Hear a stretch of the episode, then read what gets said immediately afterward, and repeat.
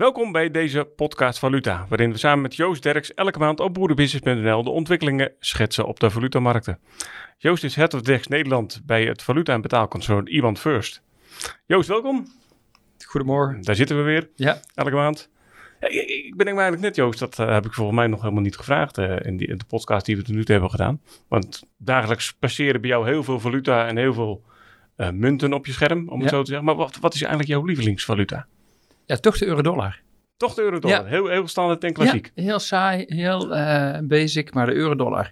Daar gebeurt toch veruit het meeste. Dus, eh, ja, het is veruit de belangrijkste valuta eh, eh, ter wereld. Eigenlijk het grootste volume ook gaat daarin om.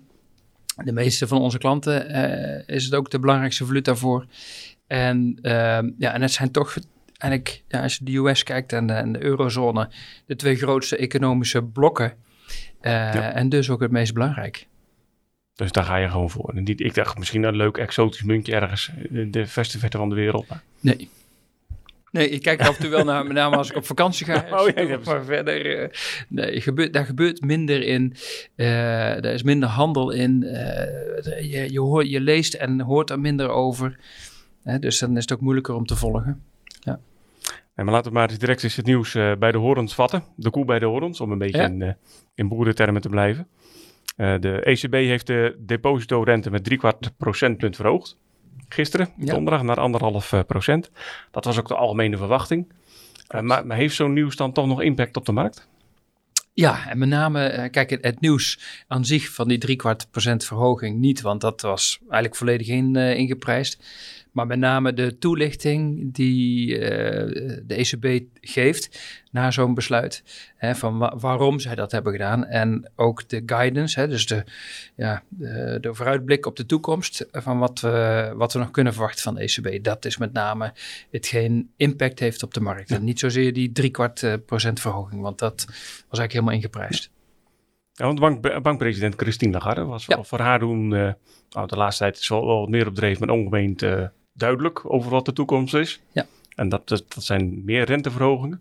Klopt. Was dat ook wel iets wat, wat de, de markt had verwacht? Ja, kijk, eh, ze is wat dat betreft eh, duidelijk dat er nog een aantal renteverhogingen komen. Hè? Nou, dus we weten, eigenlijk houdt de markt al rekening met in december nog een keer een half procent. En mogelijk begin volgend jaar nog een keer, eh, nog een keer verhoging van een kwartje of, of nog een half misschien. Eh, maar de ECB krabbelt nu ook een klein beetje terug. Dat ze zeggen van, joh, het wordt eigenlijk data dependent. Hè? Ze kijken gewoon naar de ontwikkelingen de komende tijd, naar de inflatie, maar ook naar economische groei. Eh, of het nodig is om die rente nog verder te verhogen. En eigenlijk zie je eenzelfde tendens gebeuren ook in Amerika. Hè. Dus de Fed geeft ook al aan van, je luister, er komen nog een paar renteverhogingen aan, hou daar vast rekening mee. Maar we komen in de buurt van het niveau waarop de rente niet meer de economie stimuleert, nog afremt. Ja, en bij, in Euroland ligt dat nou, volgens de geleerden tussen de 2 en de 2,5 procent. En in Amerika ligt dat tussen de 4 en de 4,5 procent. Dus we komen richting die niveaus waarop de centrale bank zegt van nou, hier is het eigenlijk, eh, hebben we eigenlijk het gas even losgelaten. En ook, we zijn niet aan het remmen en we zijn niet aan het gas geven. Ja. En we kijken even wat er dan met zo'n economie gebeurt en met de inflatie. In de neutrale versnelling. Ja, ja. Want is dat, is dat ook echt wat ze zoeken op dit moment? Eerst op neutraal komen en kijken wat er dan gebeurt? Of? Nou, ze willen met name zien van wat de effecten zijn van de maatregelen die ze nu al hebben genomen. Hè. Dus die, wat ik ook in het verleden heb uitgelegd, zo'n renteverhoging heeft niet meteen een effect op de economie, maar dat duurt eventjes voordat het echt doorwerkt. En zij willen ook zien van, hey, wat zijn de maten, wat zijn de effecten van de acties die we nu al hebben ondernomen? Wat voor een effect gaan die, eh, gaan die hebben ook op de economie? En dat duurt eventjes. Dus we willen ook even kijken van wat daar precies, eh, ja, hoe dat doorcijpelt. En nu was ik gisteren op de, de, de landbouwbeurs in Hardenberg, de RMV. Leuk. Dat is een, eh, een, een beurs voor, voor veeauto's, een grote beurs waar het hele bedrijfsleven ook staat. En daar sprak ik ook een accountant en die, ja, die baalde eigenlijk als een stekker van het ECB-nieuws. Van eh drie kwart procentpunt erbij. Ja. Want dat wordt natuurlijk direct doorvertaald. Of misschien met enige vertraging wel doorbetaald, doorvertaald in het rentepercentage. Die eh, zijn klanten, dus agrarische ondernemers, Ja. bij financieringen, bij herfinancieringen moet afsluiten. Ja, ja wat, wat, wat heeft zo'n maatregel dan voor nu, voor, voor de de middellange of lange termijn ook voor, voor dat soort ondernemers voor impact? Nou ja, eh, op het moment dat je moet herfinancieren of een nieuwe stal gaat bouwen en moet, uh, een, een, nieuwe financiering moet aantrekken, op dat moment heb je te maken inderdaad met die hogere rente. Maar niet iedereen is op dit moment aan het herfinancieren of moet iets uh, of gaat een nieuwe investering doen. Hè, dus dat, op het moment dat je daar wel in zit, heb je ermee te maken.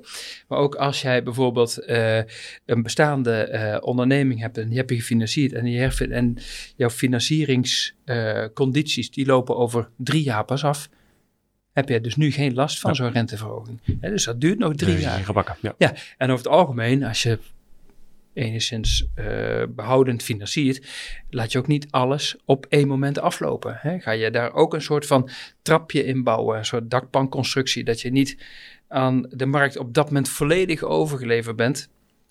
Met uh, dat je, als je moet herfinancieren en de rente is in één keer 3% hoger, dat jij je volledige bedrag wat je gefinancierd hebt, in één keer 3% meer, ja, dan ga je het heel erg voelen.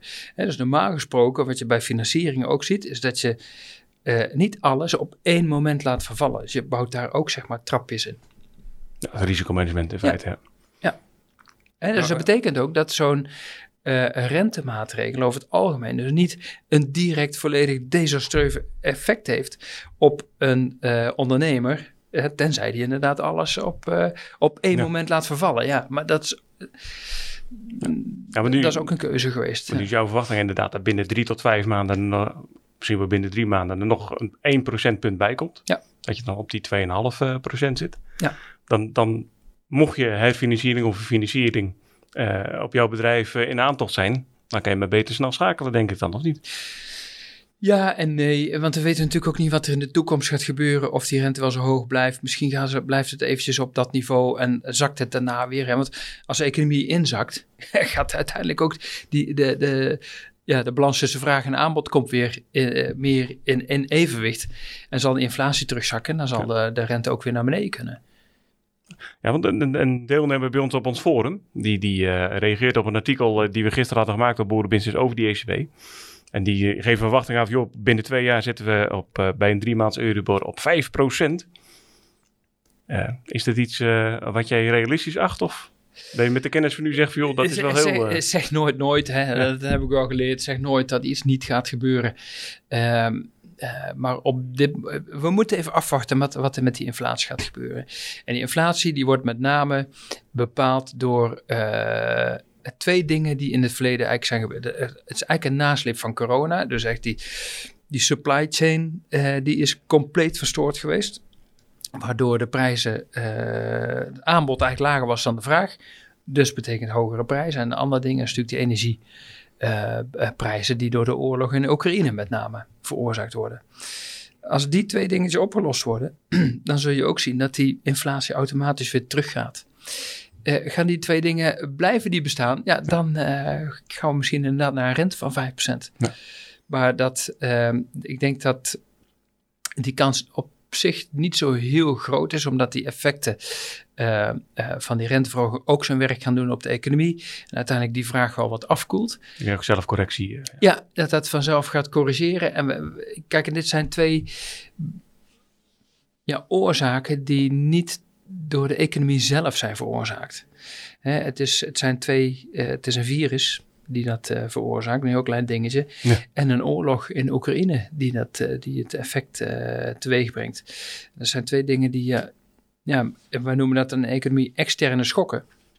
Waar je wel mee te maken hebt overigens, maar die niet, niet direct komen door een oververhitting of zo van, van de economie. Ja. Al zijn ja. mensen zullen, zullen ze daar ook mee oneens zijn, omdat de kunstmatig lage rente natuurlijk ook de economie enorm heeft gestimuleerd. En dat is natuurlijk wel zo.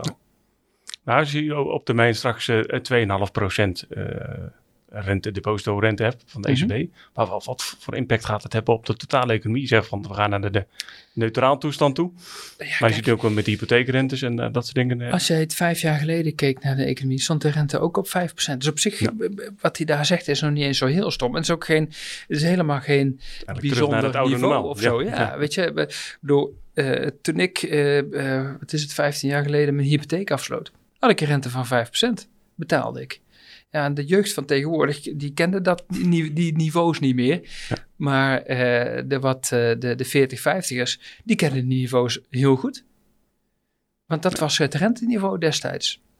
En ze zijn natuurlijk heel erg verwend geraakt met een hele lage rente om de economie maar aan te wakkeren en te, en te stimuleren en te zorgen dat de prijzen niet nog verder zakt. Hè? Dat je in een situatie van deflatie terechtkomt. En ik heb het eigenlijk altijd vergeleken, want daar zijn de centrale banken heel bang voor, deflatie. Ik vergelijk het altijd met het, het, het, rijden, het paardrijden. Als jij je teugel strak kan houden, dan kan je een paard sturen. En dan heb je het, hè, dus met inflatie kan jij met de rente je paard sturen. Maar als je, als je vooroverleunt en de, de teugels hangen los, ja, dan kan je je paard niet meer sturen. En dat is eigenlijk een situatie van deflatie.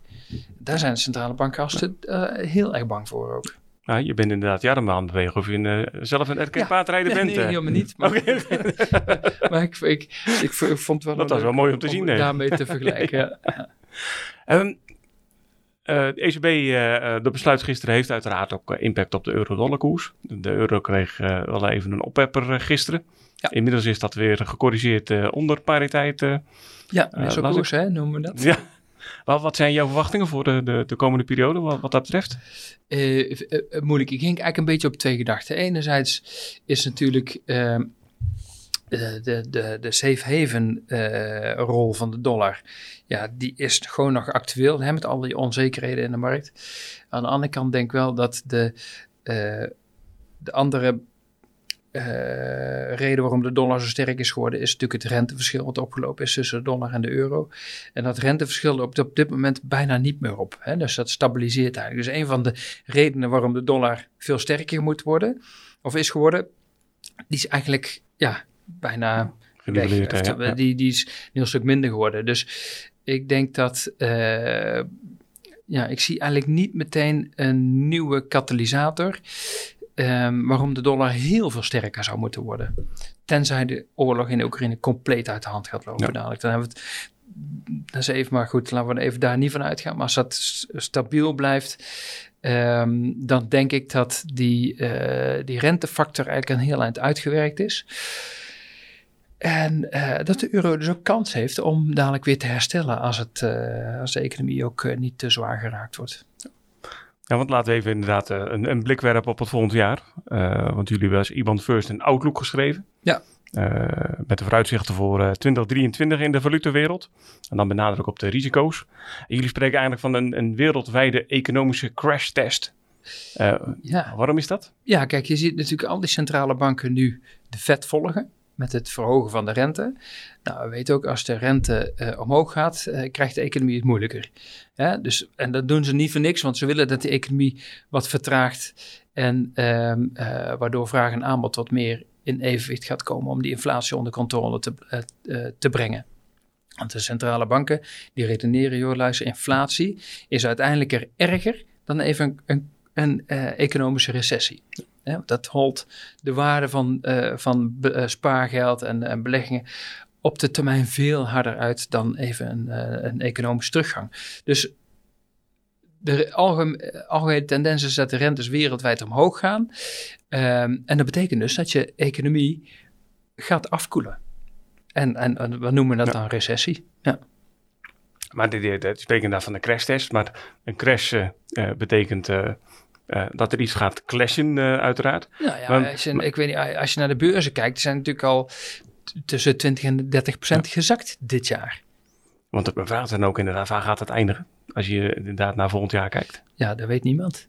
Dat weet niemand. Als ik dat zou weten, Erik, hè, dan uh, zou ik het een paar mensen vertellen en die hoeven nooit meer te werken. Okay, ja. dus, dat, nee, dus, dat, dus dat weten we niet. Ja. Maar, maar is, is dat rentebeleid zeg maar, nu genoeg om, om die inflatie in ieder geval te laten dalen, op zijn minst? Dat is een goede vraag. Of het genoeg is, weten we pas over een tijdje.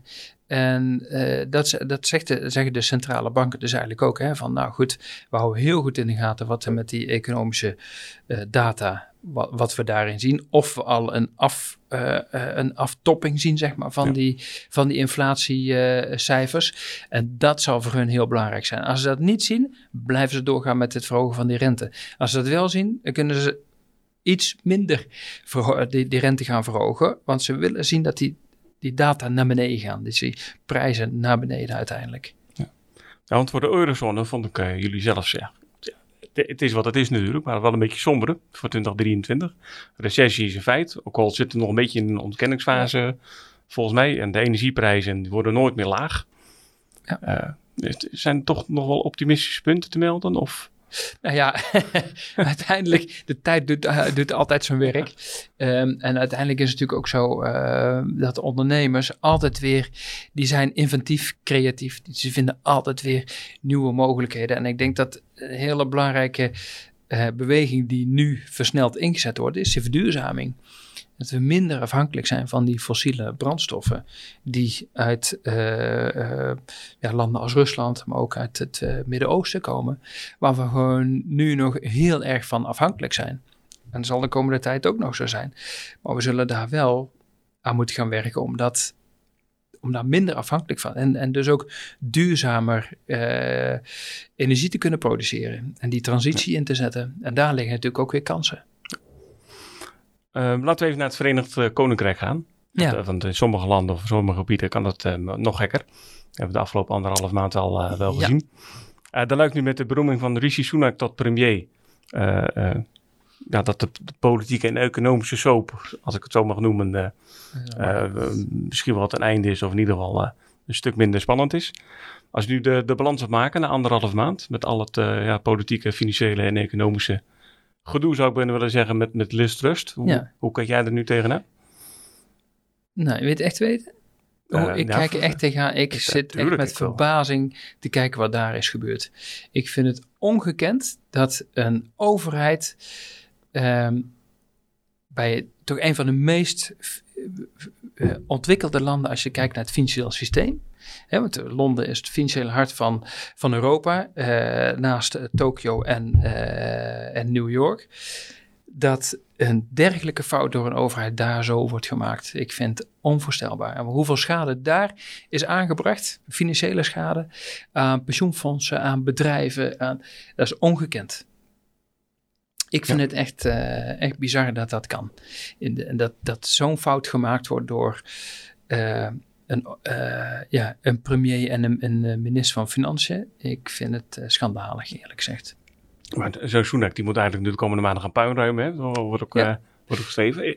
Ja, zit er voor de komende tijd wel een realistisch groeiscenario in? Nou, kijk, die Sunak destijds, in, met de interne verkiezingen binnen de conservatieve partij, was hij ook al een van de kandidaten.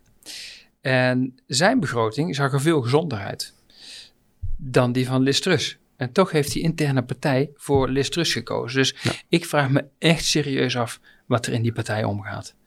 En ik had toen als, ja, weet je, waar, waarom kiest men niet voor het verstandige pad van Sunak? Omdat hij had een begroting die veel, ja, die makes sense. Hè? Ja. Dat, dat is gewoon, denk, ja, oké, okay, dit klopt. Tuurlijk, we gaan een recessie in. Nou, dan zal je de, uh, moeten bezuinigen en je belastingen moeten verhogen op degene die het kunnen dragen. Hè? De, de, de sterkste schouders gaan de zwaarste lasten dragen. Wat doet Liz Truss? Precies andersom. Ja, dat is een doemscenario. Dat is gedoemd om te mislukken. Nou, dat blijkt ook wel, want de markt heeft het keihard afgezameld. Ja, met het werkt waarschijnlijk uh, die belastingverhaging aan stropen. Van, uh, nou ja, maar dit, dit is zo kortzichtig. Ja. Zo kortzichtig. En dat, de, en dat begrijp ik dus niet. En zitten we daar, hebben we toch een land met een echt een serieuze historie van hoe de financiële markten werken, maar ook uh, hoe een democratie werkt. En dan krijg je dit, dit soort poppenkast. Ik ja. vind het ongekend, maar goed. Het Britse pond heeft inmiddels al een ophepper gekregen ten opzichte van de euro. Uh, ja, wat, wat, die, die, was dus ook uh, behoorlijk afgestraft. En, uh, wat, wat, wat zijn jullie, verwachting moet ik eigenlijk zeggen, van, ook in de Outlook? Dan hebben jullie ook, speciaal ook een Outlook voor 2023 gemaakt door de UK. Ja. Wat, wat zijn jullie prognoses daarvan? Ja, toch, we denken, uh, kijk, we hebben natuurlijk een hele rare uh, beweging gezien in de pond. En die werd enorm afgeschaft. Daling van 6% in twee dagen tijd, dat is echt gigantisch. Dat is nu, omdat de rust weer terug is gekomen, behoorlijk gecorrigeerd ook. Um, maar wij zijn nog steeds niet positief over het, uh, over het pond op de wat langere termijn, omdat die recessie daar behoorlijk zal zijn. En daar heeft de Bank of England ook aangegeven. Een recessie wordt gemeten als twee kwartalen van een economische krimp. Ja. Ze houden daar rekening met minimaal vijf kwartalen economische krimp. Uh, de inflatie is daar nog veel hoger dan in Europa en in Amerika. Dus ja, ik ben niet heel positief over de economische ontwikkeling daar. En dus ook niet over het pond. Nu herstelt het wel weer, omdat er natuurlijk wat rust terugkomt. Doordat de idiote plannen van, uh, van het vorige kabinet, wat 45 dagen duurde, gelukkig van tafel worden geveegd. Hè? Dus je krijgt altijd weer een tegenreactie. Maar uiteindelijk ben, ben ik, uh, nou, denk dat pond nog steeds uh, het moeilijk heeft de komende tijd. Ja. En volatiel blijft, als ik Volatiel hoor, blijft sowieso, ja, ja. Maar dat, dat, uh, ik zie niet een pond weer terug naar 0,84 bewegen of zo. Ja, ik kan het mis hebben, maar dat, uh, dat denk ik niet. Nee. We vliegen even de hele wereld over. In, in China is uh, de Chinese leider Xi Jinping herkozen. Ah, ja. heeft zo'n herbenoeming, die zat er eigenlijk ook al heel lang aan te komen. Nou, ook nog impact op de financiële markten. Ja, ja en um, de markten zijn toch wel een beetje bang voor ja, wat daar uh, intern gaande is. Hè? Dat hij toch de absolute macht naar zich toe trekt en geen tegengeluid meer, uh, meer gaat dulden. Uh, en dat zag je ook. Ja, bijvoorbeeld op, met die Hu Jintao, de oude president die ja, werd ja, afgevoerd. Ja, ja dat is natuurlijk een staaltje. wie heeft grote spiemel? Ja. ja hè? En dat, maar dat is wel een. een ehm, ja, dan ga je echt wel weer richting een dictatuur en we weten allemaal wat dat, waar daar de risico's van zijn. Hè, dus dat uh, wordt niet heel ja. positief ontvangen op de, op de markten. Ja, wat, wat doet dat op zich met China, zeg maar, als betrouwbare handelspartner, ook in het economische Nou ja, proces? mensen worden voorzichtiger om met China te handelen. En uh, je ziet ook dat techbedrijven, Chinese techbedrijven, ja, die staan onder druk, want hij is geen fan van uh, techbedrijven uh, in, in China. Uh, je ziet dat de, de, de munt onder druk staat. Hè? Dus dat, je ziet die vastgoedsector, ja. dat is natuurlijk een gigantisch molenblok, molensteen om, om de nek van, van China op dit moment. Uh, en China gaat denk ik meer focussen op interne consumptie en interne economie om dat weer aan te jagen. Uh, en ja, ik denk dat ze het, uh, die hebben een behoorlijke uitdaging op dit moment. Ja. Terwijl, dat, dat schreef je onlangs nog in een van je columns, de, de Xi Jinping juist eigenlijk wil dat hij renminbi een van de wereldvaluta wordt ja. in de wereld. Ja. Maar dat, dat gaat hem dan niet lukken op deze manier. Nee, ik denk dat dat, uh, dat uh, onder druk komt te staan. Kijk, China, omdat het nog steeds een lage lonenland is en heel veel productiecapaciteit heeft, uh, zal het altijd een belangrijke speler blijven op het wereldtoneel. Uh, economie groeit uiteraard, uh, maar ik denk wel dat met name het Westen zich wel minder afhankelijk wil gaan maken van China en dus ook meer ja, productie toch weer terug wil halen naar het Westen, naar, naar, naar Europa en naar, naar de US. Dat denk ik wel. Laten we even kijken, de, de, de komende maand. We zien elkaar uh, eind volgende maand uh, ongetwijfeld weer. Maar wat, wat staat er de komende weken te gebeuren? Nou ja, eerst natuurlijk de FED. Volgende week woensdag uh, met haar rentebesluit. En drie kwart procent wordt ook daar rekening mee gehouden. En natuurlijk is ook daar de toelichting die achteraf gegeven wordt. Daar kijkt de markt naar. Ja, die drie kwart procent die, die is ingeprijsd. Uh, en dat zal ook wel gaan gebeuren. Maar het is met name wat, wat gaat Powell zeggen over de richting waar de centrale bank over nadenkt.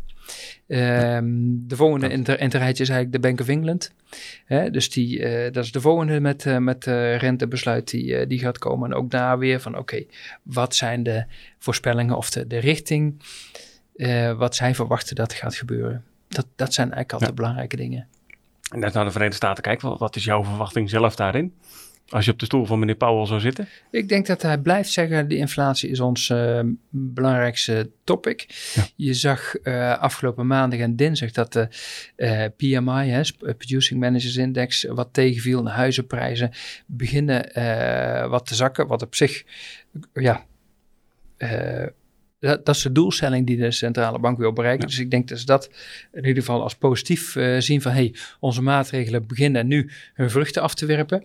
Dan zeggen we wel weer GDP was weer hoger dan, dan verwacht. Hè? Dus de economie blijft, blijft toch sterk.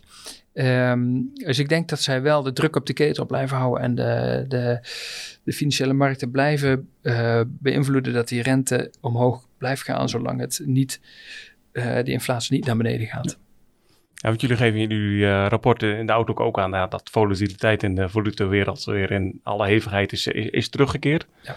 Ik ga je nu een heel uitdagende vraag stellen, maar, maar kan je heel kort samenvatten hoe die volatiliteit er komend jaar uit zal zien? Ja. Bij de belangrijkste valutaparen? Ja, ik denk dat uh, en volatiliteit betekent eigenlijk dat je uh, hele grote koersschommelingen kunt krijgen in een korte tijd op nieuwsberichten. En we hebben deze week eigenlijk al zo'n voorbeeld gezien. Hè? Maandag en dinsdag waren die cijfers uit Amerika vielen tegen. En je ziet euro-dollar van 0,98,5 naar bijna 1 aan 1 schieten. In een paar dagen tijd. Nou, dat is een beweging van 2,5, 3 cent. In een korte tijd, dan heb je het over echt bewegelijke markten. Hè, waar je kansen hebt en, uh, en, en, en risico's. Want als je dollar kopen bent en je had boven de 1 uh, of boven de pariteit zeg maar weer even wat in kunnen kopen, dan is op dat moment een ja. kans. Nu staan we weer eronder. Nou, eh, dus het, het kan alle kanten op. Dus ik denk ook dat het voor ondernemers belangrijk is om je kansen niet te laten liggen op zo'n moment. Ja, want het, kunnen, het kan morgen weer 2 cent lager zijn. Dus wij elke dag scherp zijn. Ja. Ja. Oké okay, Joost, dank voor dit gesprek. Graag gedaan. En uh, tot, sowieso tot volgende maand. Zeker. Dan spreken we elkaar weer. Uh, heeft u ook vragen voor Joost Derks over de valutemarkt of de financiële wereld? Uh, tik deze dan in en stuur een mail naar redactie.boerenbusiness.nl. En we gaan het in onze volgende podcast over de valutamarkten meenemen. En bedankt voor het luisteren.